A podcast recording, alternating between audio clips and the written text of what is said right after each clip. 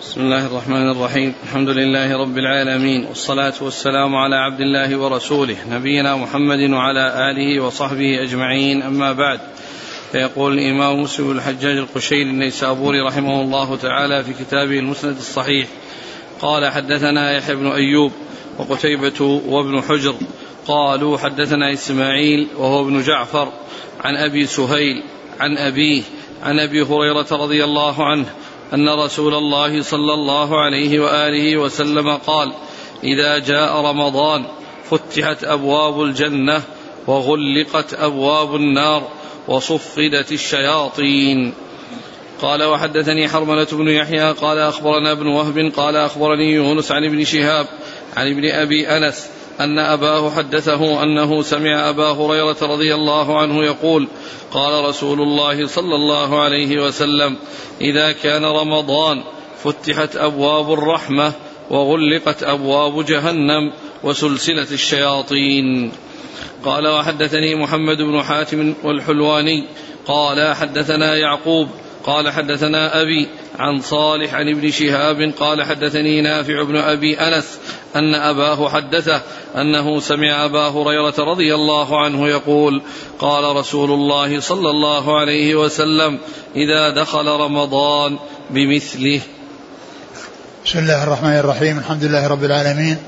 وصلى الله وسلم وبارك على عبده ورسوله نبينا محمد وعلى آله وأصحابه أجمعين. أما بعد ولما فرغ الإمام مسلم رحمه الله من كتاب الزكاة وذكر الأحاديث المتعلقة به ذكر بعد ذلك كتاب الصيام. والصيام هو في اللغة الإمساك. أي إمساك؟ سواء كان إمساكا قوليا أو فعليا سواء إمساكا عن الأكل وغيره الذي هو الذي هو الصيام الشرعي أو إمساكا عن الكلام فإنه يقال له صيام. فإذا آه، الصيام في المعنى اللغوي واسع وشامل وهو الإمساك أي إمساك؟ وأما في الشرع فهو الإمساك عن الأكل والشرب وسائر المفطرات من طلوع الفجر إلى غروب الشمس. الإمساك عن الأكل والشرب وسائر المفطرات من طلوع الفجر إلى غروب الشمس. هذا هو الصيام الشرعي.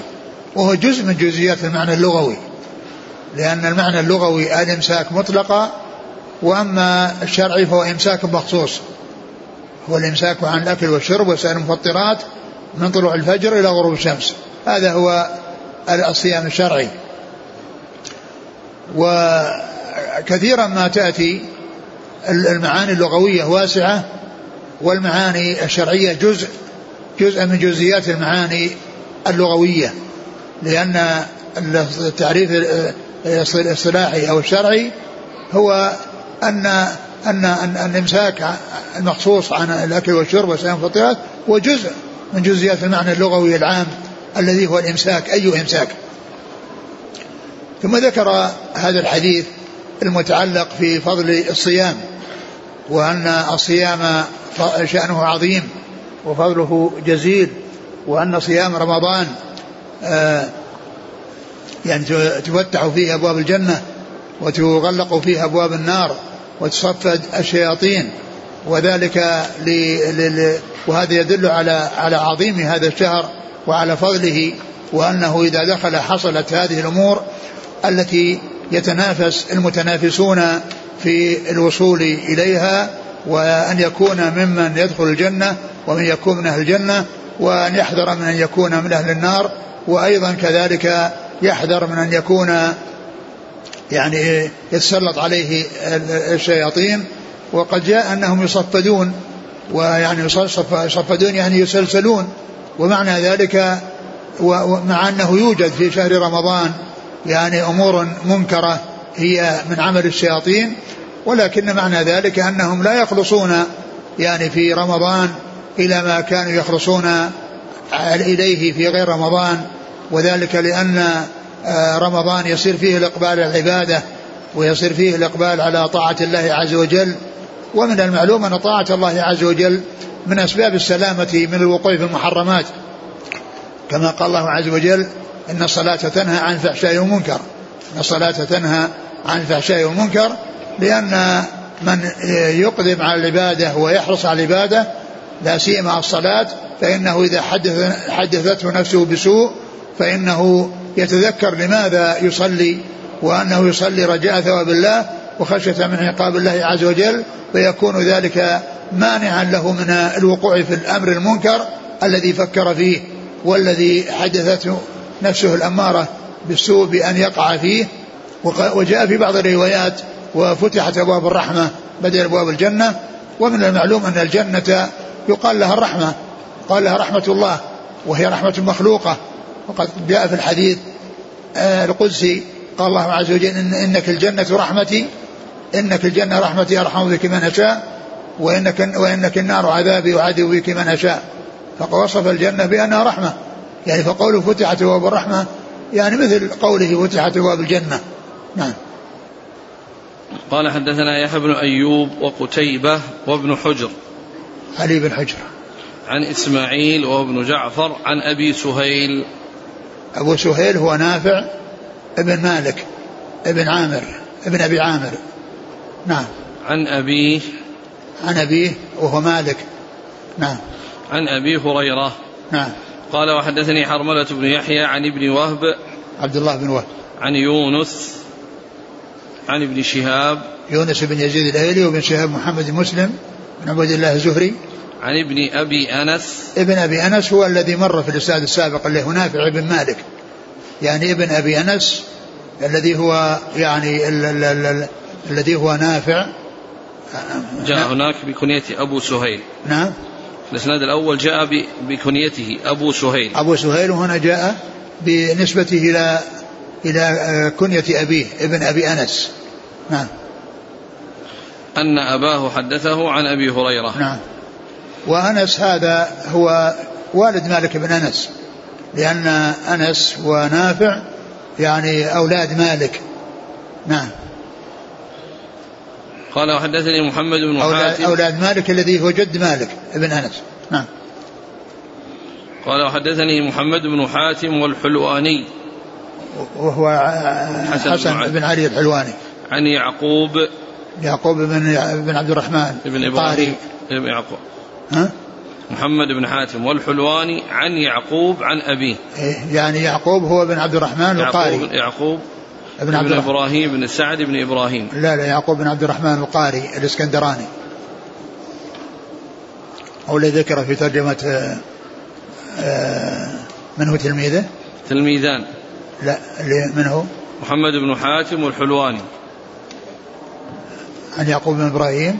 لا أي هذا يعقوب بن إبراهيم. عن يعقوب إيش؟ هذا عن يعقوب بن إبراهيم عن, عن أبيه عن صالح. عن أبيه؟ إيه. نعم يعقوب بن إبراهيم هذا يعقوب بن إبراهيم. لا ليس يعقوب بن سيأتي يعقوب بن بن بن عبد الرحمن القاري غير هذا. لأنه يروي عن أبيه. نعم. عن أبيه إبراهيم بن سعد. عن؟ عن ص... يعقوب عن أبيه عن صالح. صالح بن كيسان. عن ابن شهاب عن نافع بن أبي أنس عن أبيه عن أبي نعم. هريرة. وهنا أيضا جاب في لفظ آخر قال نافع بن أبي أنس. يعني ذكره باسمه وبكنية أبيه. وهو شخص واحد الذي هو نافع بن مالك. ذكره أولا بكنيته هو فقال أبو سهيل ثم قال ابن أبي أنس بكنية أبيه ثم قال نافع بن أبي أنس باسمه وكنية أبيه. نعم. قال رحمه الله تعالى حدثنا يحيى بن يحيى قال قرأت على مالك عن نافع عن ابن عمر رضي الله عنهما عن النبي صلى الله عليه وسلم أنه ذكر رمضان فقال لا تصوموا حتى تروا الهلال ولا تفطروا حتى تروه فإن أغمي عليكم فاقدروا له. قال حدثنا أبو بكر بن أبي شيبة قال حدثنا أبو أسامة قال حدثنا عبيد الله عن نافع عن ابن عمر رضي الله عنهما أن رسول الله صلى الله عليه وسلم ذكر رمضان فضرب بيديه فقال الشهر هكذا وهكذا وهكذا ثم عقد إبهامه في الثالثة فصوموا لرؤيته وأفطروا لرؤيته فإن أغمي عليكم فاقدروا له ثلاثين. قال حدثنا ابن نمير قال حدثنا أبي قال حدثنا عبيد الله بهذا الإسناد وقال فإن غم عليكم فاقدروا ثلاثين. نحو حديث أبي أسامة. قال وحدثنا عبيد الله بن سعيد قال حدثنا يحيى بن سعيد عن عبيد الله بهذا الإسناد وقال ذكر رسول الله صلى الله عليه وسلم رمضان فقال الشهر تسع وعشرون الشهر هكذا وهكذا وهكذا وقال فاقدروا له ولم يقل ثلاثين. قال وحدثني زهير بن حرب قال حدثنا إسماعيل عن أيوب عن نافع عن ابن عمر رضي الله عنهما قال قال رسول الله صلى الله عليه وسلم إنما الشهر تسع وعشرون فلا تصوموا حتى تروه ولا تفطروا حتى تروه فإن غم عليكم فاقدروا له. قال وحدثني حميد بن مسعدة الباهلي قال حدثنا بشر بن المفضل قال حدثنا سلمة وابن علقمة عن نافع عن عبد الله بن عمر رضي الله عنهما أنه قال قال رسول الله صلى الله عليه وسلم الشهر تسع وعشرون فإذا رأيتم الهلال فصوموا وإذا رأيتموه فأفطروا فإن غم عليكم فاقدروا له. قال حدثني حرملة بن يحيى قال أخبرنا ابن وهب قال أخبرني يونس عن ابن شهاب قال حدثني سالم بن عبد الله أن عبد الله بن عمر رضي الله عنهما قال سمعت رسول الله صلى الله عليه وسلم يقول إذا رأيتموه فصوموا وإذا رأيتموه فأفطروا فإن غم عليكم فاقدروا له. قال حدثنا يحيى بن يحيى ويحيى بن أيوب وقتيبة بن سعيد وابن حجر. قال يحيى بن يحيى أخبرنا وقال الآخرون حدثنا. إسماعيل وهو ابن جعفر عن عبد الله بن دينار أنه سمع ابن عمر رضي الله عنهما قال قال رسول الله صلى الله عليه وسلم الشهر تسع وعشرون ليلة لا تصوموا حتى تروه ولا تفطروا حتى تروه إلا أن يغم عليكم فإن غم عليكم فاقدروا له. قال حدثنا هارون بن عبد الله قال حدثنا روح بن عبادة قال حدثنا زكريا بن إسحاق قال حدثنا عمرو بن دينار أنه سمع ابن عمر رضي الله عنهما يقول سمعت النبي صلى الله عليه وسلم يقول الشهر هكذا وهكذا وهكذا وقبض إبهامه في الثالثة. قال وحدثني حجاج بن الشاعر قال حدثنا حسن الأشيب حسن الأشيب قال حدثنا شيبان عن يحيى قال وأخبرني أبو سلمة أنه سمع ابن عمر رضي الله عنهما يقول سمعت رسول الله صلى الله عليه وسلم يقول الشهر تسع وعشرون. قال وحدثنا سهل بن عثمان قال حدثنا زياد بن عبد الله البكائي عن عبد الملك بن عمير عن موسى بن طلحة عن عبد الله بن عمر رضي الله عنهما عن النبي صلى الله عليه وسلم أنه قال الشهر هكذا وهكذا وهكذا عشرا وعشرا وتسعا. قال وحدثنا عبيد الله بن معاذ قال حدثنا أبي قال حدثنا شعبة عن جبلة قال سمعت ابن عمر رضي الله عنهما يقول قال رسول الله صلى الله عليه وسلم الشهر كذا وكذا وكذا وصفق بيديه مرتين بكل أصابعهما ونقص في الصفقة الثالثة إبهام اليمنى أو اليسرى. قال وحدثنا محمد بن المثنى قال حدثنا محمد بن جعفر قال حدثنا شعبة عن عقبة وهو ابن حريث قال سمعت ابن عمر رضي الله عنهما يقول قال رسول الله صلى الله عليه وسلم الشهر تسع وعشرون وطبق شعبة يديه ثلاث مرار وكسر الإبهام في الثالثة. قال عقبة وأحسبه قال الشهر ثلاثون وطبق كفيه ثلاث مرار. قال حدثنا أبو بكر بن أبي شيبة قال حدثنا غندر عن شعبة حاء قال وحدثنا محمد بن المثنى وابن بشار. قال ابن المثنى حدثنا محمد بن جعفر. قال حدثنا شعبة عن الأسود بن قيس. قال سمعت سعيد بن عمرو بن سعيد أنه سمع ابن عمر رضي الله عنهما يحدث عن النبي صلى الله عليه وسلم أنه قال إنا أمة أمية لا نكتب ولا نحسب. الشهر هكذا وهكذا وهكذا وعقد الإبهام في الثالثة. والشهر هكذا وهكذا وهكذا. يعني تمام ثلاثين. قال وحدثنيه محمد بن حاتم قال حدثنا ابن مهدي عن سفيان عن الأسود بن قيس بهذا الإسناد ولم يذكر للشهر الثاني ثلاثين. قال حدثنا أبو كامل الجحدري قال حدثنا عبد الواحد بن زياد قال حدثنا الحسن بن عبيد الله عن سعد بن عبيدة أنه قال أن قال أنه سمع ابن عمر رضي الله عنهما قال سمع ابن عمر رضي الله عنهما رجلا يقول الليلة ليلة النصف. فقال له ما يدريك أن الليلة النصف؟ سمعت رسول الله صلى الله عليه وسلم يقول الشهر هكذا وهكذا وأشار بأصابعه العشر مرتين وهكذا في الثالثة وأشار بأصابعه كلها وحبس أو خنس إبهامه. ثم ذكر مسلم رحمه الله هذه الأحاديث عن عبد الله بن عمر من طرق متعددة وهي تتعلق بأن الحكم في الصيام منوط برؤية الهلال في آه، سواء كان في الدخول أو الخروج. يعني يصير يكون الصيام لرؤية الهلال والإفطار لرؤية الهلال. ومن فضل الله عز وجل أن أنه جعل يعني العلماء جعل علامات واضحة يعني لما يتعلق بالعبادات يعرفها الناس ولا تختص ب يعني بحساب ولا تختص بأصحاب فكر يعني يتمكنون من شيء لم يتمكن منه غيرهم بل جعل علامات يعرفها الناس يعرفها الناس في الحضر والسفر ويعرفها الحاضرة والبادية وهذا يتعلق جاء في الصيام من ناحية دخول الشهر وخروجه إنما هو بالهلال ومن جهة الصيام بطلوع الفجر والصيام بغروب الشمس وكذلك الصلوات يعني الفجر عند طلوع الفجر الفجر الثاني الذي هو المعترض في الأفق وإلى إلى طلوع الشمس والظهر من حصول الزوال إلى أن يكون ظل الشيء مثله والعصر بعد ذلك إلى اصفرار الشمس والمغرب إلى مغيب الشفق والعشاء إلى نصف الليل. فكانت أمور يعني واضحة يعني لا يختص بمعرفتها أحد دون أحد. وإنما جعلت ليعرفها الخاص والعام. هذا الحديث هذه الأحاديث التي معنا وهي كلها عن عبد الله بن عمر من وجوه متعددة فيها ذكر آه، آه، إذا أنه يصام لرؤيته ويفطر لرؤيته وإذا غم فإنه يقدر. ولم يأتي التفصيل يعني والبيان في إلا في بعض الروايات حيث قال اقدروا له ثلاثين اقدروا له ثلاثين. فدل هذا على أن تفسير القدر الذي أمر به الرسول عليه الصلاة والسلام بأن يكمل أو تكمل العدة لأنه لم لم يرى الهلال وذلك بسبب أن السماء غيم وليس فيها صحو.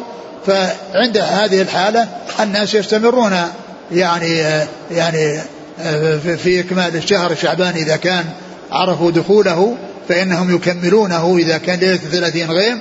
وإذا كان دخل رمضان وعرف دخوله فإنه في آخر الشهر يكملون ثلاثين إذا كانت ثلاثين غيم. وإن كانت صحوا ورأوه فإنهم يفطرون لأن الحكم أنيط برؤيته آه، سواء في الدخول أو في الخروج. قال عليه الصلاة والسلام صوموا لرؤيته وافطروا لرؤيته فإن غم عليكم فاقدروا له. يعني فسر القدر بما جاء في الروايات الأخرى يعني فأكمل العدة ثلاثين. فاقدروا له أكمل العدة فأكمل العدة ثلاثين. وبعض أهل العلم قال إنه إذا حصل الغيم فإنه يعني يقدر له ويضيق ومعنى ذلك أنه أنه يصام. ولكن الروايات الأخرى بينت أن الحكم أنه منوط به إذا كان صحوا وإن كان غيما فإنه تكمل العدة. ثلاثين كما بين ذلك رسول الله صلى الله عليه وسلم في الأحاديث. وجاء فيه يعني بيان أن الشهر يعني يكون ثلاثين ويكون تسعة وعشرين فهو لا ينقص عن تسعة وعشرين ولا يزيد عن ثلاثين.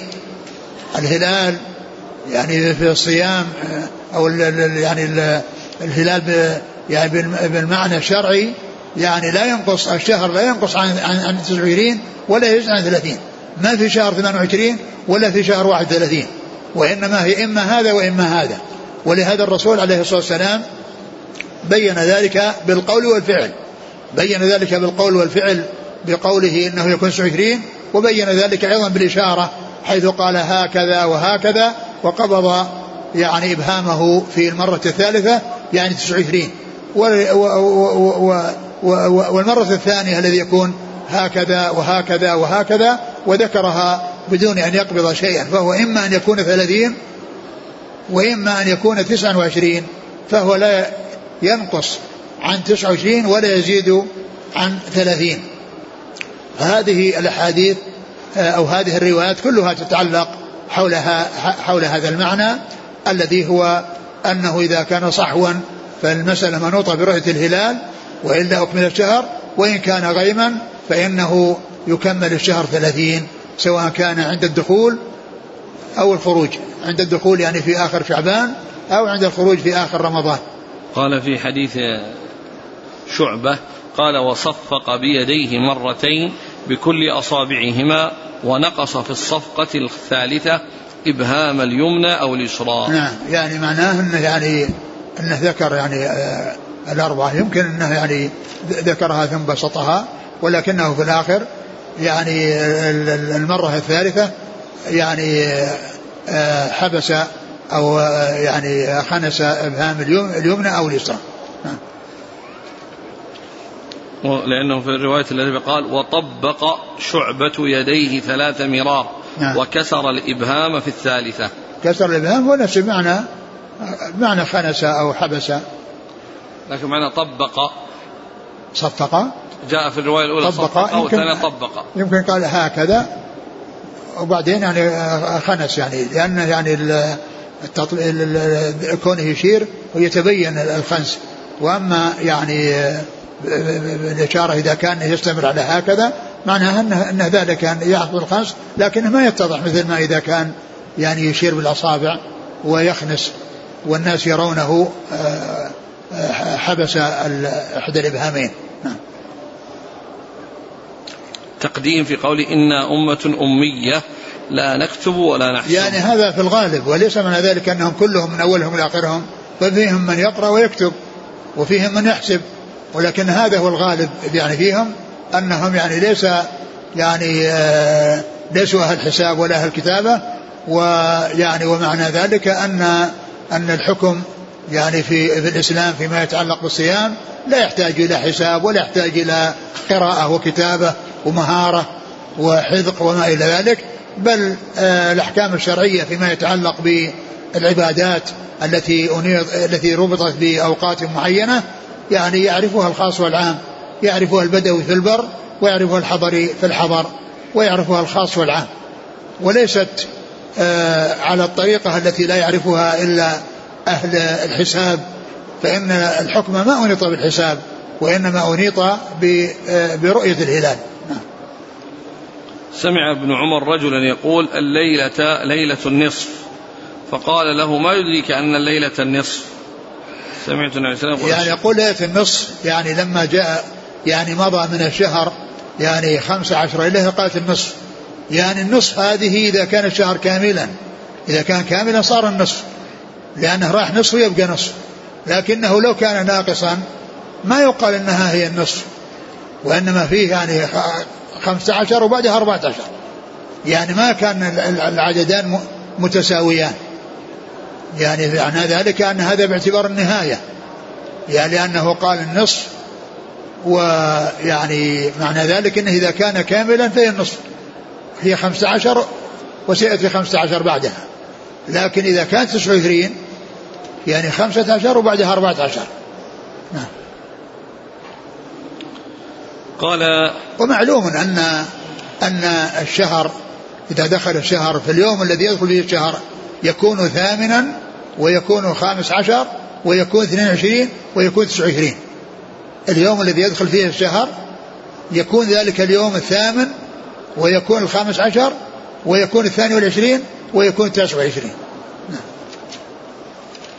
قال حدثنا يحيى بن يحيى عن مالك عن نافع عن ابن عمر. نعم. هذا أول الأسانيد وهو رباعي. نعم. ثم قال حدثنا أبو بكر بن شيبة عن أبي أسامة. حماد بن أسامة. عن عبيد الله. بن عبيد عمر بن عمر العمري المصغر. عن نافع عن ابن عمر. نعم. قال حدثنا ابن نمير عن أبيه. محمد بن عبد الله بن نمير. عن أبيه عن عبيد الله. نعم. قال وحدثنا عبيد الله بن سعيد عن يحيى بن سعيد القطان قال وحدثنا زهير بن حرب عن إسماعيل. بن جعفر. إسماعيل بن علية. بن علية. إسماعيل بس؟ نعم. نعم إسماعيل نعم. عن أيوب. بن أبي تميمة السختياني. قال وحدثنا حميد بن مسعدة الباهلي عن بشر المفضل عن سلمة بن علقمة عن نافع عن ابن عمر. عن؟ عن سلمة؟ عن سلمة وهو ابن علقمة. نعم. عن نافع عن عبد الله نعم. بن عمر. نعم. قال حدثني حرملة بن يحيى عن ابن وهب. عبد الله بن وهب.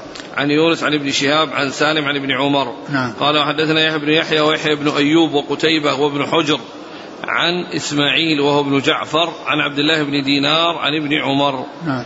قال حدثنا هارون بن عبد الله عن روح بن عبادة عن زكريا بن إسحاق عن عمرو بن دينار عن ابن عمر. نعم. قال حدثنا حجاج بن الشاعر عن حسن الأشيب. حسن بن موسى. عن شيبان. شيبان بن عبد الرحمن. عن يحيى ابن أبي كثير. عن أبي سلمة عن ابن عمر. نعم. قال حدثنا سهل بن عثمان عن زياد بن عبد الله البكائي عن عبد الملك بن عمير عن موسى بن طلحة عن عبد الله بن عمر.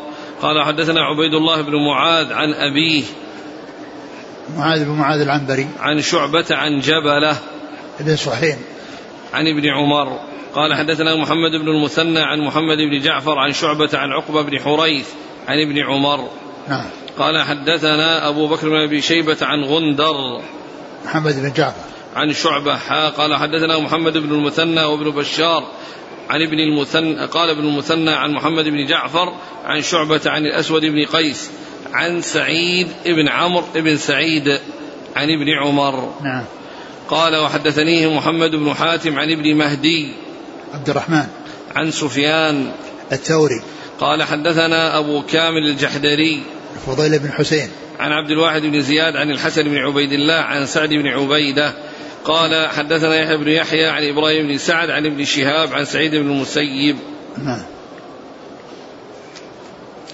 هنا حديث حديث أبي هريرة.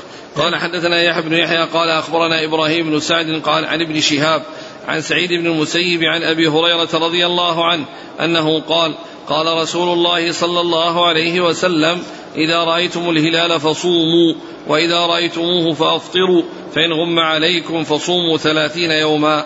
قال حدثنا عبد الرحمن بن سلام الجمحي قال حدثنا الربيع يعني ابن مسلم عن محمد وابن زياد عن أبي هريرة رضي الله عنه أن النبي صلى الله عليه وسلم قال صوموا لرؤيته وأفطروا لرؤيته فإن غمي عليكم فأكملوا العدد.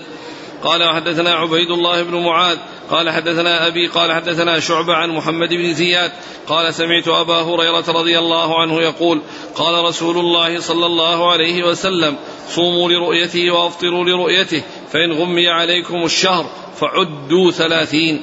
قال حدثنا أبو بكر بن أبي شيبة قال حدثنا محمد بن بشر العبدي قال حدثنا عبيد الله بن عمر عن أبي الزناد عن الأعرج عن أبي هريرة رضي الله عنه قال ذكر رسول الله صلى الله عليه وسلم الهلال فقال إذا رأيتموه فصوموا وإذا رأيتموه فأفطروا فإن أوبي عليكم فعدوا ثلاثين. ثم ذكر حديث أبي هريرة من هذه الطرق وهو مثل ما جاء في حديث ابن عمر كلها فيها يعني أنه يعني إذا غم يعني يكمل ثلاثين وأنه يعني إذا رؤيا يعني يرى إذا كان يصام لرؤيته ويفطر لرؤيته وإن حصل الغيم فإنه يكمل شهر ثلاثين. فما جاء في حديث أبي هريرة من هذه الطرق هو مثل ما جاء في حديث ابن عمر.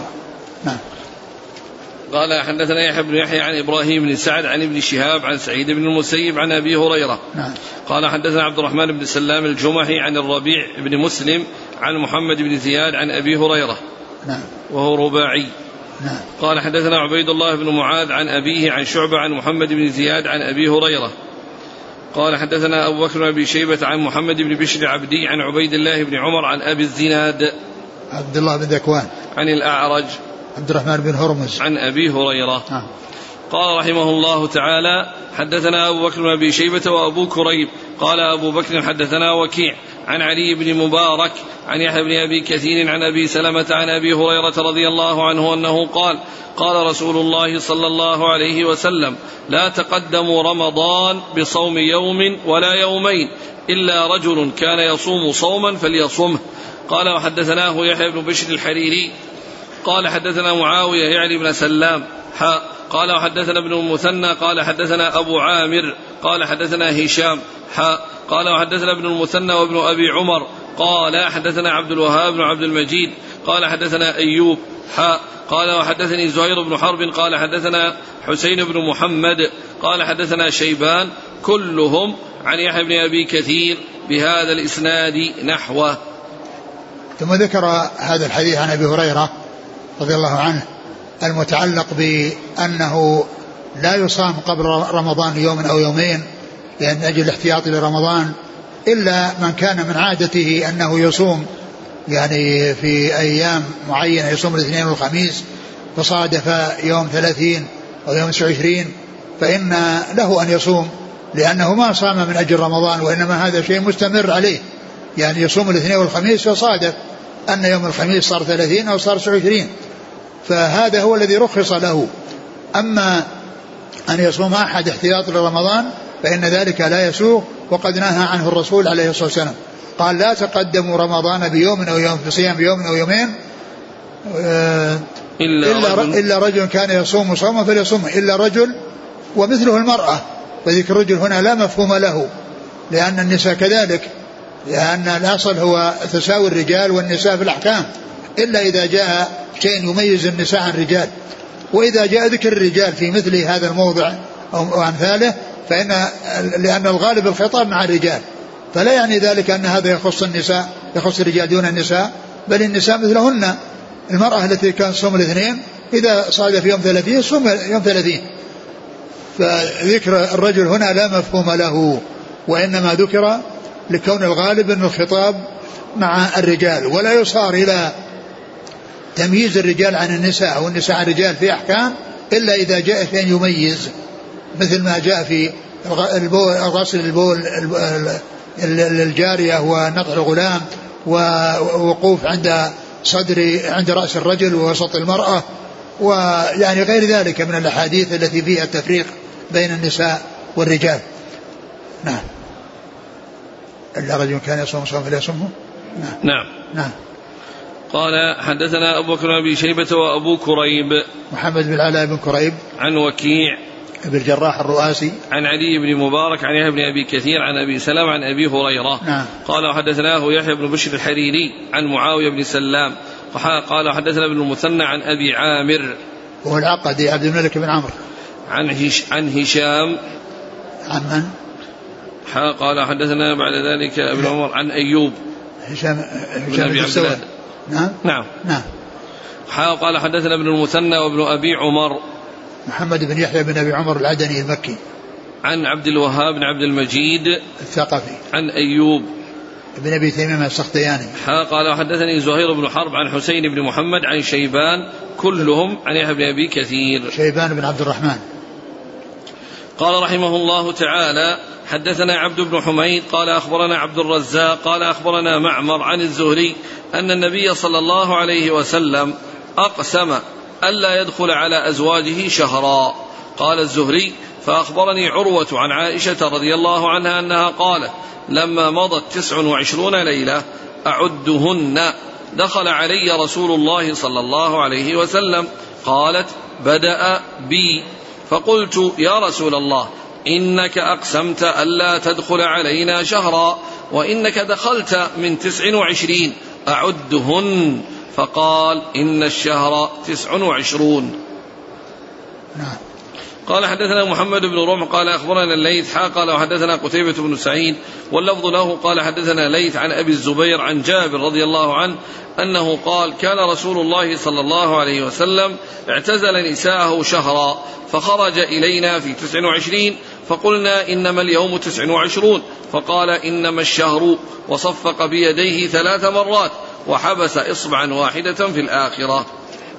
قال حدثني هارون بن عبد الله وحجاج بن الشاعر قال حدثنا حجاج بن محمد قال قال ابن جريج أخبرني أبو الزبير أنه سمع جابر بن عبد الله رضي الله عنهما يقول اعتزل النبي صلى الله عليه وسلم نساءه شهرا فخرج إلينا صباح تسع وعشرين فقال بعض القوم يا رسول الله إنما أصبحنا لتسع وعشرين. فقال النبي صلى الله عليه وسلم إن الشهر يكون تسعا وعشرين. ثم طبق النبي صلى الله عليه وسلم بيديه ثلاثا مرتين بأصابع يديه بأصابع يديه كلها والثالثة بتسع منها. قال حدثنا هارون عبد قال حدثني هارون عبد الله قال حدثنا حجاج بن محمد قال قال ابن جريج أخبرني يحيى بن عبد الله بن محمد بن صيفي أن عكرمة بن عبد الرحمن بن الحارث أخبره أن أم سلمة رضي الله عنها أخبرت أن النبي صلى الله عليه وسلم حلف الا يدخل على بعض أهله شهرا. فلما مضى تسعة وعشرون يوما غدا عليهم أو راح. فقيل له حلفت يا نبي الله ألا تدخل علينا شهرا؟ قال إن الشهر يكون تسعة وعشرين يوما. قال حدثنا إسحاق بن إبراهيم. قال أخبرنا روح. حاء قال وحدثنا محمد بن مثنى قال حدثنا الضحاك يعني أبا عاصم جميعا عن ابن جريج بهذا الإسناد مثله. قال حدثنا أبو بكر بن أبي شيبة قال حدثنا محمد بن بشر قال حدثنا إسماعيل بن أبي خالد قال حدثني محمد بن سعد عن سعد بن أبي وقاص رضي الله عنه أنه قال ضرب رسول الله صلى الله عليه وسلم بيده على الأخرى فقال الشهر هكذا وهكذا ثم نقص في الثالثة إصبعا. قال وحدثني القاسم ابن زكريا قال حدثنا حسين بن علي عن زائدة عن إسماعيل عن محمد بن سعد عن أبيه رضي الله عنه عن النبي صلى الله عليه وسلم أنه قال الشهر هكذا وهكذا وهكذا عشرا وعشرا وتسعا مرة قال وحدثنيه محمد بن عبد الله بن قهزاز قال حدثنا علي بن الحسن بن شقيق وسلمة بن سليمان قال أخبرنا عبد الله يعني ابن المبارك قال أخبرنا إسماعيل بن أبي خالد في هذا الإسناد بمعنى حديثهما. ثم ذكر يعني هذه الأحاديث المتعلقة بكون الشهر يكون 29 وأن الرسول صلى الله عليه وسلم لما أقسم ألا يعتزل نساءه شهرا فمكث في المكان الذي اعتزلهن فيه يعني آه، تسعا وعشرين ثم إنه جاء بعد ذلك يعني بعد يعني آه، بعد صباح ليلة الثلاثين. صباح ليلة الثلاثين لأن لأن المقصود يقول 29 يعني آه، كاملة يعني يومها وليلتها لأن الشهر يكون 29 بأيامه ولياليه. وليست 29 ليلة ويكون مثل معناه يوم يوم 29 باقي يعني آه، خارج. وإنما المقصود من ذلك أنه في صبيحة آه، الليلة التي تلي ليلة 29 التي هي ليلة 30 يعني صباح يوم الثلاثين خرج وقال إنه 29 لأنه لو كان اعتبره أن يكون 30 ما خرج إلا بعدما انتهى ذلك اليوم الذي يوم الثلاثين. لكنه آه، خرج ل 29 ومعنى ذلك أنه مكث تسعة وعشرين تسعة وعشرين يوما وجاء من, من, من صباح الغد الذي هو صباح الثلاثين وقد مضى تسعة وعشرون وقد مضى تسعة وعشرون فقال إن شهر تسعة وعشرين. ولو كان المقصود أن شهر يعني اللي هو ثلاثين لا بقي حتى يكمل اليوم الثلاث يكمل اليوم الثلاثون. حتى يكمل اليوم الثلاثون. فإذا قوله يعني ليس عشرين وأنه يعني بعض الأيام يعني ثلاثين تسعة وعشرين يوما يعني هذا هو المقصود. المقصود أنها مضى تسعة وعشرون بأيامها ولياليها وفي صباح الثلاثين جاء وقال إن الشهر تسعة وعشرين. ولو كان أراد الثلاثين لجلس حتى يكمل يوم الثلاثين. حتى يكمل يوم الثلاثين. فلما جاء عليه الصلاة والسلام وقالت له عائشة إنك يعني قلت إن شهرا وأن أنها تسع وعشرون أعدهن بيدي فقال إن الشهر يكون تسعا وعشرين. لكن ليس معنى ذلك؟ أنه جاءهم في صباح تسع وعشرين وأنه مضى تسع وعشرين ليلة ويوم تسع وعشرين باقي يعني لم يكن داخلا في الاعتزال وإنما الشهر كله بأيامه ولياليه يكون 29 أو يكون 30 فعلى هذا لا يكون الخروج آه، بصبيحة 29 لأن لأنه لم يكمل آه، لأن كمال الشهر آه، إذا كان 29 بمرور الأيام الأيام كلها ومرور اليوم التاسع والعشرين وبكونه ينتهي يصير 29 وبعد ذلك قد يكون آه، شهرا ناقصا وقد يكون شهرا كاملا. فإذا هذا هو معنى الحديث وأنه لم يكن خرج عليه الصلاة والسلام لصبيحة 29 التي هي بقي عنده يوم يوم 29 باقي أمامه وأنه ما دخل في الحساب لأن الشهر كما عرفنا يعني يكون بالليالي والأيام ويكون 29 إذا مضى 29 يوما وليلة وليس مضى 29 ليلة فقط بدون اليوم التاسع والعشرين بل لابد أن تمضي التسعة والعشرون يوما وليلة. ومعنى ذلك أنه جاء في صبيحة اليوم الذي يليه ولكن لكون الشهر يعني اعتبر ناقصا ولم يعتبر كاملا ما جلس حتى أكمل اليوم الثلاثين. نعم. قال حدثنا عبد بن حميد عن عبد الرزاق بن همام الصنعاني اليماني عن معمر بن راشد الأزدي البصري. عن الزهري. نعم. ثم قال فأخبرني عروة عن عائشة. نعم. يعني أوله شو شو في أوله قال عن الزهري أن النبي صلى الله عليه وسلم أقسم. عن الزهري عن؟ أن النبي صلى الله عليه وسلم أقسم. نعم. إرسال. أي نعم نعم. ثم, ثم قال ثم ذكر الاتصال نعم. فأخبرني عروة عن عائشة أنها قالت لما مضت 29 ليلة. نعم. قال حدثنا محمد بن رمح عن الليث. ابن سعد. حا قال حدثنا قتيبة بن سعيد عن ليث عن أبي الزبير. محمد بن مسلم بن تدرس المكي. عن جابر. بن عبد الله الأنصاري رضي الله عنهما. وهو رباعي. نعم. قال حدثني هارون بن عبد الله وحجاج بن الشاعر عن حجاج بن محمد. المصيصي. عن ابن جريج عن أبي الزبير عن جابر بن عبد الله. نعم. قال حدثنا هارون بن عبد الله عن حجاج بن محمد عن ابن جريج عن يحيى بن عبد الله بن محمد بن صيفي عن عكرمة بن عبد الرحمن بن الحارث عن أم سلمة. نعم. قال حدثنا إبراهيم قال حدثنا إسحاق بن إبراهيم عن روح. ابن عبادة. حا قال حدثنا محمد بن المثنى عن الضحاك يعني أبا عاصم. ضحاك المخلد النبيل. قال حدثنا أبو بكر بن أبي شيبة عن محمد بن بشر عن إسماعيل بن أبي خالد عن محمد بن سعد عن سعد بن أبي وقاص. نعم. قال حدثني القاسم بن زكريا عن حسين بن علي الجعفي عن زائدة. ابن قدامة. عن إسماعيل عن محمد بن سعد عن أبيه. نعم. قال حدثنيه محمد بن عبد الله بن قهزاز عن علي بن الحسن بن شقيق وسلم بن سليمان عن عبد الله بن المبارك عن إسماعيل بن أبي خالد به. نعم. قال رحمه الله تعالى حدثنا يحيى بن يحيى ويحيى بن أيوب وقتيبة وابن حجر. قال يحيى ابن يحيى أخبرنا وقال الآخرون حدثنا إسماعيل وهو ابن جعفر عن محمد وهو ابن أبي حرملة عن كريب أن أم الفضل بنت الحارث بعثته إلى معاوية رضي الله عنه بالشام قال فقدمت الشام فقضيت حاجتها. واستهل علي رمضان وأنا بالشام فرأيت الهلال ليلة الجمعة ثم قدمت المدينة في آخر الشهر فسألني عبد الله بن عباس رضي الله عنهما ثم ذكر الهلال فقال متى رأيتم الهلال؟ فقلت رأيناه ليلة الجمعة فقال أنت رأيته؟ فقلت نعم ورآه الناس وصاموا وصام معاوية.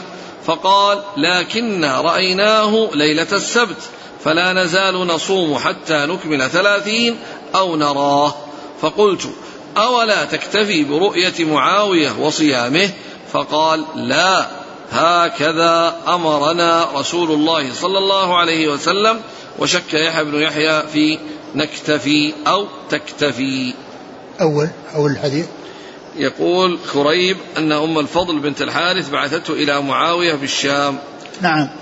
يعني ذكر هذا الحديث المتعلق ب يعني إذا رؤي في بلد فهل يكون للبلاد الأخرى يعني حكم هذا البلد الذي رؤي فيه الهلال أم أن لكل بلاد رؤيتهم؟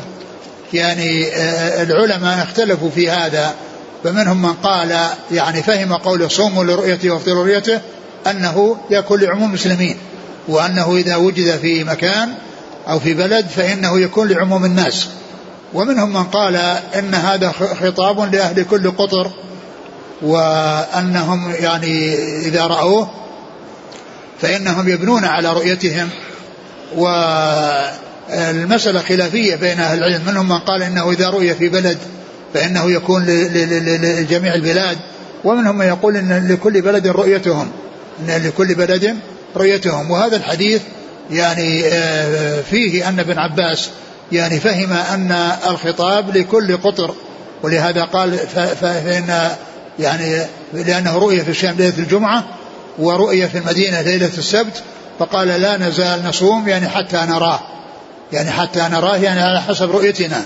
وهذا يعني مبني على اعتبار أن كل بلد أو أنه خطاب لكل أهل بلد وأنه يعني ليس لهم أن يلزم لا يلزمهم أن يتابعوا ومن المعلوم أن أن البلاد يعني تتقارب وتتباعد وأنه إذا رؤي في بلد فإن أهل البلاد الأخرى يرجعون إلى إلى علمائهم فإذا رأوا متابعة غيرهم فلهم ذلك وإن رأوا الاستقلال برؤيتهم كما جاء ابن عباس فلهم فلهم ذلك.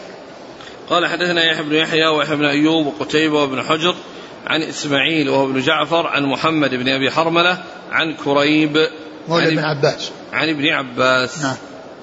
قال رحمه الله تعالى حدثنا أبو بكر بن أبي شيبة. قال حدثنا محمد بن فضيل عن حسين عن عمرو بن مرة عن أبي البختري. قال خرجنا للعمرة. فلما نزلنا ببطن نخلة قال تراءينا الهلال؟ فقال بعض القوم هو ابن ثلاث وقال بعض القوم هو ابن ليلتين. قال فلقينا ابن عباس رضي الله عنهما فقلنا إنا رأينا الهلال. فقال بعض القوم هو ابن ثلاث وقال بعض القوم هو ابن ليلتين. فقال أي ليلة رأيتموه؟ قال فقلنا ليلة كذا وكذا. فقال إن رسول الله صلى الله عليه وسلم قال إن الله مده للرؤية فهو لليلة رأيتموه. قال حدثنا أبو بكر بن أبي شيبة قال حدثنا غندر عن شعبة قال حدثنا ابن المثنى وابن بشار قال حدثنا محمد بن جعفر قال أخبرنا شعبة عن عمرو بن مرة قال سمعت أبا البختري قال أهللنا رمضان ونحن بذات عرق فأرسلنا رجلا إلى ابن عباس رضي الله عنهما يسأله. فقال ابن عباس رضي الله عنهما قال رسول الله صلى الله عليه وسلم إن الله قد أمده لرؤيته فإن أغمي عليكم فأكملوا العدة. ثم ذكر هذا الحديث المتعلق بكبر الهلال وصغره وأنه لا عبرة بذلك لا عبرة لكون الهلال يرى كبيرا أو صغيرا ويقال هذا يعني إذا رأوه يعني قالوا إنه يعني إنه يعني بالليلة أو انه مضى يعني كأنه لكبره كأنه يعني مضى يعني آه يعني شيء من الشهر لم لم يرى. فالهلال يعني لا يعتبر يعني كبره ولا صغره وإنما يعتبر رؤيته. فإذا رأوه لأول مرة وكان الجو صحوا ورأوه يعني ولو كان كبيرا أو مرتفعا يعني شيئا ما لا يقال إنه يعني ابن ابن ليلتين فيعني وإنما يعتبرون أنهم إذا رأوه فإن هذه هي الرؤية التي يكون بها دخل الشهر. وإذا كانوا ما رأوه قبل ذلك فإنه لا يعول على على على ظن أنه ابن ليلتين أو أنه ابن ثلاث. وإنما يعولون على ما على ما يشاهدونه ويعاينونه ولو كان مرتفعا ولو كان كبيرا ثم انه ذكر هذا الحديث الذي فيه عن ابن عباس قال إن الله مد إن الله أمده للرؤية فهو لليلة رأيتموه. إن الله مده للرؤية. يعني معناها أنه آه، يعني الليلة اللي رأيتموه فإنه هو أول الشهر سواء كان رأيتموه كبيرا أو صغيرا. يعني أمده أو مده يعني أظهره يعني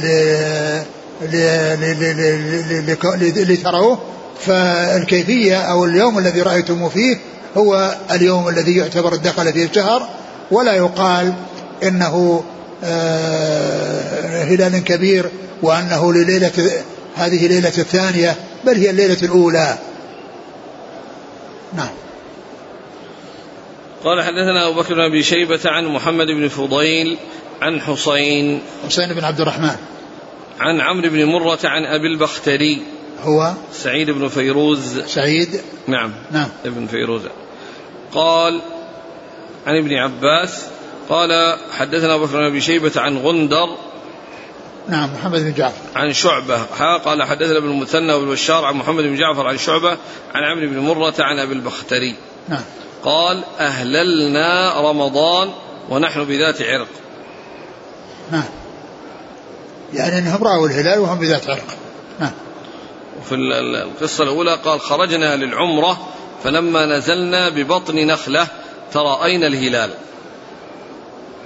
ما أدري ذات عرق هل هي المقصود بها يعني مكان آخر أما جهة ذات عرق اللي هي ميقات أهل العراق فهي يعني ليست في طريق المدينة من من من, مكة من المدينة إلى مكة وإنما هي في جهة جهة الشرق. نعم. ما أدري هل يعني أن أن إذا كان القصة واحدة وأن يعني هذا قال له ذات عرق يعني يعني أنها غير ذات عرق التي يعني اللي هي ميقاتها العراق. قال رحمه الله تعالى حدثنا يحيى بن يحيى قال أخبرنا يزيد بن زريع عن خالد عن عبد الرحمن بن أبي بكرة عن أبيه رضي الله عنه عن النبي صلى الله عليه وسلم أنه قال شهرا عيد لا ينقصان رمضان وذو الحجة. قال حدثنا أبو بكر بن أبي شيبة قال حدثنا معتمر بن سليمان عن إسحاق بن سويد وخالد عن عبد الرحمن بن أبي بكرة عن أبي بكرة رضي الله عنه أن نبي الله صلى الله عليه وآله وسلم قال شهرا عيد لا ينقصان. في حديث خالد شهرا عيد رمضان وذو الحجة. ثم ذكر هذا الحديث المتعلق بأن بأن العيدين يعني والشهرين اللي شهر الحجة وشهر رمضان اللذين شهر عيد يعني شهر عيد يعني لا ينقصان. قيل معنى ذلك أنهما لا ينقصان يعني في الأجر وإن نقص العدد. وهذا واضح في رمضان.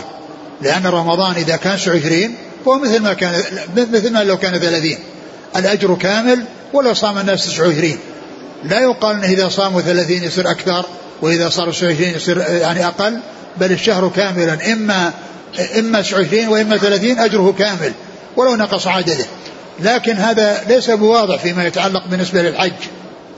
لأن كون الشهر 29 يعني ما له دخل في قضية ال يعني ال العيد لأن آه، الحج إنما هو في أوله وفي آه، يعني قبل نصفه كله يعني فلا, فلا دخل له في آخر الشهر. و وقد وقد قال بعض أهل العلم أن أن أن أن, أن, أن يعني العيدين يعني لو حصل يعني خطأ فيهما وأن الناس يعني أخطأوا في عيد الأضحى وفي عيد الفطر فإنه يعني فهما كاملان. ولو أخطأ الناس يعني في الوقوف بعرفة فإنه يعتبر الوقوف يعني صحيحا ولا يترتب على ذلك يعني كونه ما يحصل الأجر الذي حصل في الحج. حتى لو حصل خطأ وتبين أن الناس أن أن الوقوف بعرفة كان خطأ وأن العيد كان خطأ فإن الأجر يعني حاصل وكامل.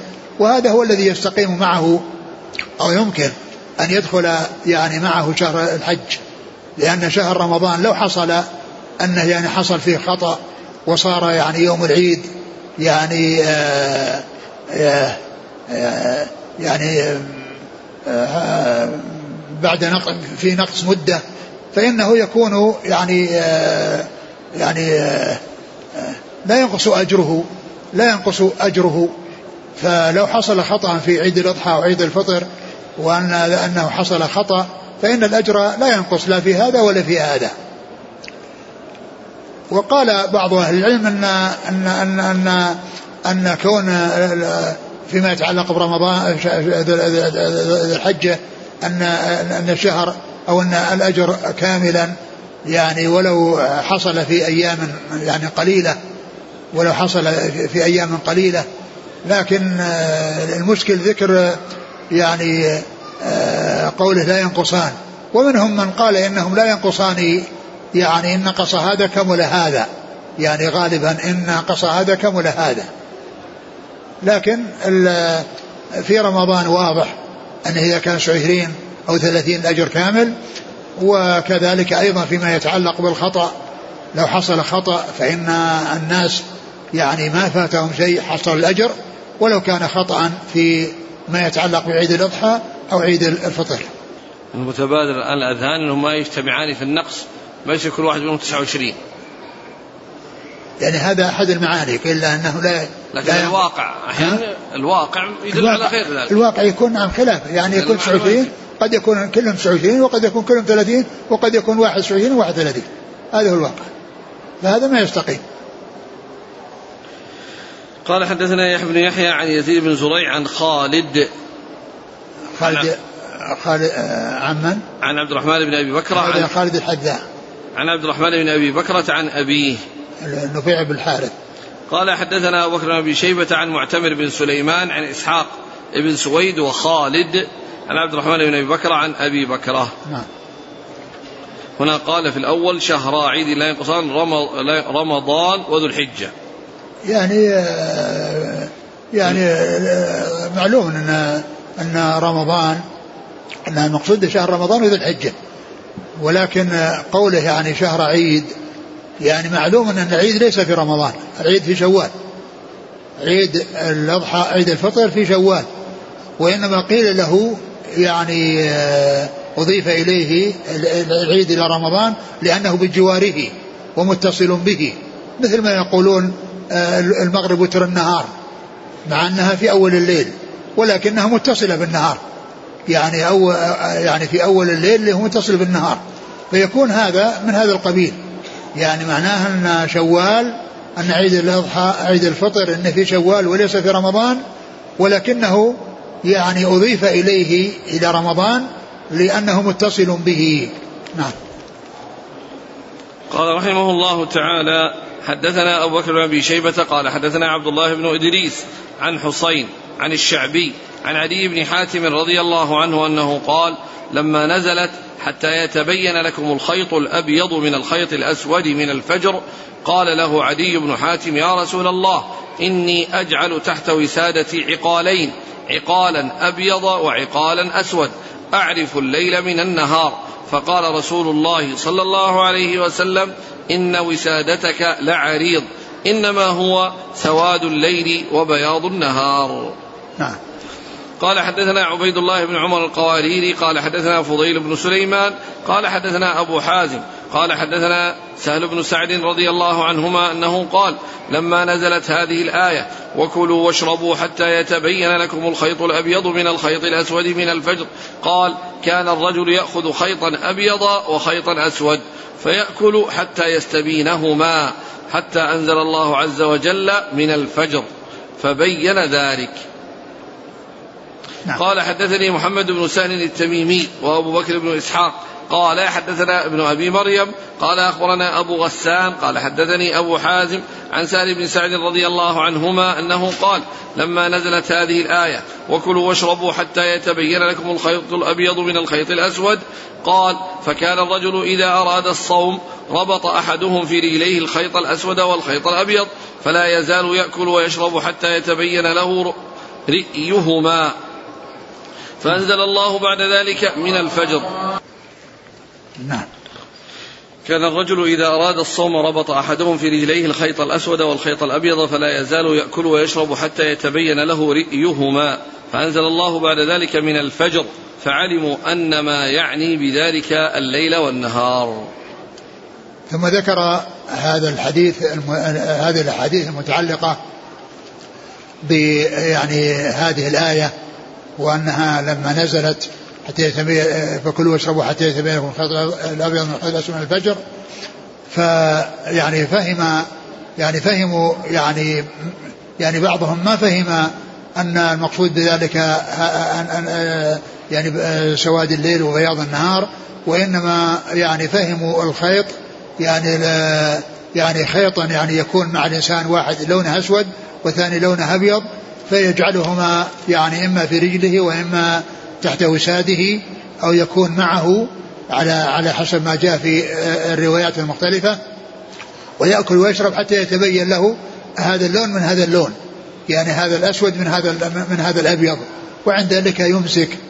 فبين يعني عليه الصلاة والسلام أو جاء في بعض الروايات أنها نزلت كانت من الفجر وأن المقصود من ذلك يعني سواد الليل وسواد النهار الذي وبياض النهار الذي يتبين بالفجر وبحصول الفجر يعني هذا هو الذي يتبين به يعني يعني الوقت الذي يمتنع فيه يمتنع فيه الأكل وهو وجود ال ال يعني وجود الصبح الذي يظهر في الأفق معترضا ثم يظهر يعني يعني يعني حتى يستمر حتى تظهر الشمس حتى يظهر النهار. فالرسول عليه الصلاة والسلام قال في الحديث الأول إن وسادك العريض يعني إذا كان يغطي يعني الخيط الأبيض والخيط الأسود الذي ذكره الله وهو يعني اللي هو سواد الليل وبياض النهار إذا إن ذلك أنه عريض. يعني وهو ليس كما فهمت وإنما المقصود به يعني ليس الخيط الأسود الذي معك الخيط الأبيض وإنما المقصود به يعني بياض النهار وسواد يعني وسواد الليل. و وليس معنى قوله إن وسودك عريض أنها يدل على غباوة وأنه وصفه بالغباوة. وإنما قال ذلك مبينا أنه إذا كان الأمر كذلك إذا معنى ذلك أن وسادك يغطي يغطي الأفق. نعم. قال حدثنا أبو بكر بن شيبة عن عبد الله بن إدريس عن حسين بن عبد الرحمن. عن الشعبي عامر بن شراحيل. عن علي بن حاتم. نعم. قال حدثنا عبيد الله بن عمر القواريري عن فضيل بن سليمان عن أبي حازم عن سهل بن سعد. أبو حازم هو سلمة بن دينار. الذي يروي عن سلمة سهل بن سعد الساعدي سلمة بن دينار. إذا جاء أبو حازم يروي عن سلمة عن سهل بن سعد فهو بن دينار. وإذا جاء يروي عن أبي هريرة فهو سلمان الأشجعي. قال حدثني محمد بن سهل التميمي وأبو بكر بن إسحاق. هو محمد بن إسحاق الصاغاني. عن ابن أبي مريم. وهو سعيد بن أبي مريم. سعيد بن الحكم. عن أبي غسان. أبو غسان هو محمد بن مطرف. عن أبي حازم عن سالم بن سعد. نعم. إن بلال يؤذن بليل. الحديث بعده؟ إيه. هو الله تعالى أعلم وصلى الله وسلم وبارك على عبده ورسوله نبينا محمد وعلى آله وأصحابه أجمعين. جزاكم الله خيرا وبارك الله فيكم. ألهمكم الله الصواب ووفقكم للحق. شافاكم الله وعافاكم ونفعنا الله ما سمعنا غفر الله لنا ولكم وللمسلمين أجمعين. آمين. يقول السائل وهي أسئلة كثيرة في هذا الموضوع مسألة الرؤية والبلدان التي لا يوجد فيها الترائي بالهلال وإنما يقدرون تقديرا بالحساب. يقول السائل ما حكم صيام بلد لا يرون الهلال؟ ولكن يقدرون شهر رمضان قبل دخوله ربما أحيانا بشهر. فهل نصوم معهم أو نتبع البلد الذي لهم رؤية؟ إذا كان محقق أنهم يعني لا يصومون إلا بالحساب فلا يتابعون. نعم. وهذا يقول كنت في بلد في شهر رمضان فتأخر دخول الشهر ثم سافرت في إلى بلد آخر. وكان دخول رمضان متقدم على البلد الأول فحاصل ما صمت ثمانية وعشرين يوما. لا يمكن أن يكون الشهر 28 بل عليه أن يصوم يعني بعد المكان الذي انتهى إليه وصار فيه العيد أنه يصوم بعده يوما لأنه الشهر لا ينقص عن 29 أبدا. ما في شهر 28 يعني الشهور الإسلامية هي إما 29 وإما 30 فإذا صادف أو حصل أنه صام 28 فقط والبلد الذي انتهى إليه يعني آه، صام 29 28 يأتي بيوم يكمل فيه 29 هل يمكن أن يفسر بقوله إن أمة أمية لا نكتب ولا نحسب الحساب بمعنى الفلكي لا الحساب المعروف؟ لأنه حسب بأصابعه صلى الله عليه وسلم. لا بس الكلام على يعني الحساب الذي يعني ما يحصل له أهل الخبرة والمعرفة مثل القراءة والكتابة. القراءة والكتابة والحساب يعني ما كان يعني يعني من شأن الأميين. يعني ما كانوا يقرؤون ولا يكتبون ولا يحسبون. فيعني كونه يعني عد بصابع هذا ما يقال إنه علم حساب. وإنما هذا يبين إن هذا هو الذي يعرفه كل أحد. وليس الحساب الذي يعني الذي هو مثل القراءة والكتابة. نعم. كذلك يقول بعضهم يفسر لا نكتب أي لا نكتب أبا جاد. لا لا هذا غير صحيح. هذا غير صحيح. يعني لا يكتب الكتابة. ولكن هذا لا يعني ذلك أنه كلهم ففيهم من, من يكتب. والرسول له كتبة يكتبون الوحي. الرسول عليه السلام له كتبة يكتبون الوحي. نعم. يقول ما حكم رؤية الهلال بالأجهزة الحديثة اليوم والاعتماد عليها؟ إذا كان مقصود من ذلك أنها يعني تكبر ال يعني ال يعني ال وهو في الأفق موجود وتكبره هذا ما يؤثر لا بأس به لأنه لأنه يعني هذا استعين به على رؤية الهلال أو استعين به على رؤية الهلال أو تكبير الهلال. وليس يعني وليس معنى ذلك أنه يعني غير موجود. فلما رأوه وتحققوا من وجوده بواسطة مكبر مكبر هذا مثل لو رأوه بدون مكبر. كم يشترط من الشهود في رؤية الهلال عند دخول الشهر وخروجه؟ يعني في دخوله يعني يكفي شخص واحد وأما عند الخروج يعني اثنان. هل يمكن أن توجد ثلاثة أشهر متتالية ناقصة كلها 29 الله أعلم. ورد في الحديث أن الصوم يوم يصوم الناس والفطر يوم يفطرون فإذا كانوا هؤلاء ليس لهم حساب ولا رؤية. هل يعمل بهذا الحديث فنفطر معهم؟ شلون؟ إيش؟ ورد في الحديث الصوم يوم يصوم الناس أي نعم. والفطر يوم يفطرون. إيه؟ فإذا كان هؤلاء الناس يصومون ليس ليس للرؤية إنما للحساب. ألا يشمله لا, لا, لا ما يشمله. لأن الصيام الشرعي هو المناط بالرؤية. لا يراد بالحساب. يقول أحسن الله نحن طلاب من أوروبا فهل الآن نعمل على أن نجتهد في رؤية الهلال مع العلم أنه لا خبرة لنا في هذا الأمر أو نقلد المملكة؟ أقول تقليد المملكة أو تقليد يعني هذا طيب لكن يعني ينبغي أن يكون المسلمون في بلد يعني يعني يكون اتجاههم واحد وطريقتهم واحدة لكن لا يبنون على الحساب وإنما يبنون على الرؤية أو متابعة في رؤية. أو متابعة في رؤية معتمدة. نعم. في الحديث الذي حلف النبي صلى الله عليه وسلم لا يدخل على أهله إشارا في بعض الروايات على بعض أهله. وفي الروايات على نسائه. يعني قضية بعض أهله ما أدري وين مرت معنا. في بعض أهله؟ نعم. عندنا في مسلم؟ نعم. ها؟ نعم. قال إيش بعضي؟ بعض أهله؟ نعم. حديث أم سلمة النبي صلى الله عليه وسلم حلف أن لا يدخل على بعض أهله شهرا. فلما مضى 29 يوما غدا عليهم أو راح يعني كما هو معلوم الواضح أن الحلف أن كان عليهن جميعا ولهذا قالت عائشة بدأ بي. قد بدأ بي. يعني فتكون يعني هذه الرواية غير محفوظة اللي كلمة بعض أهله. نعم.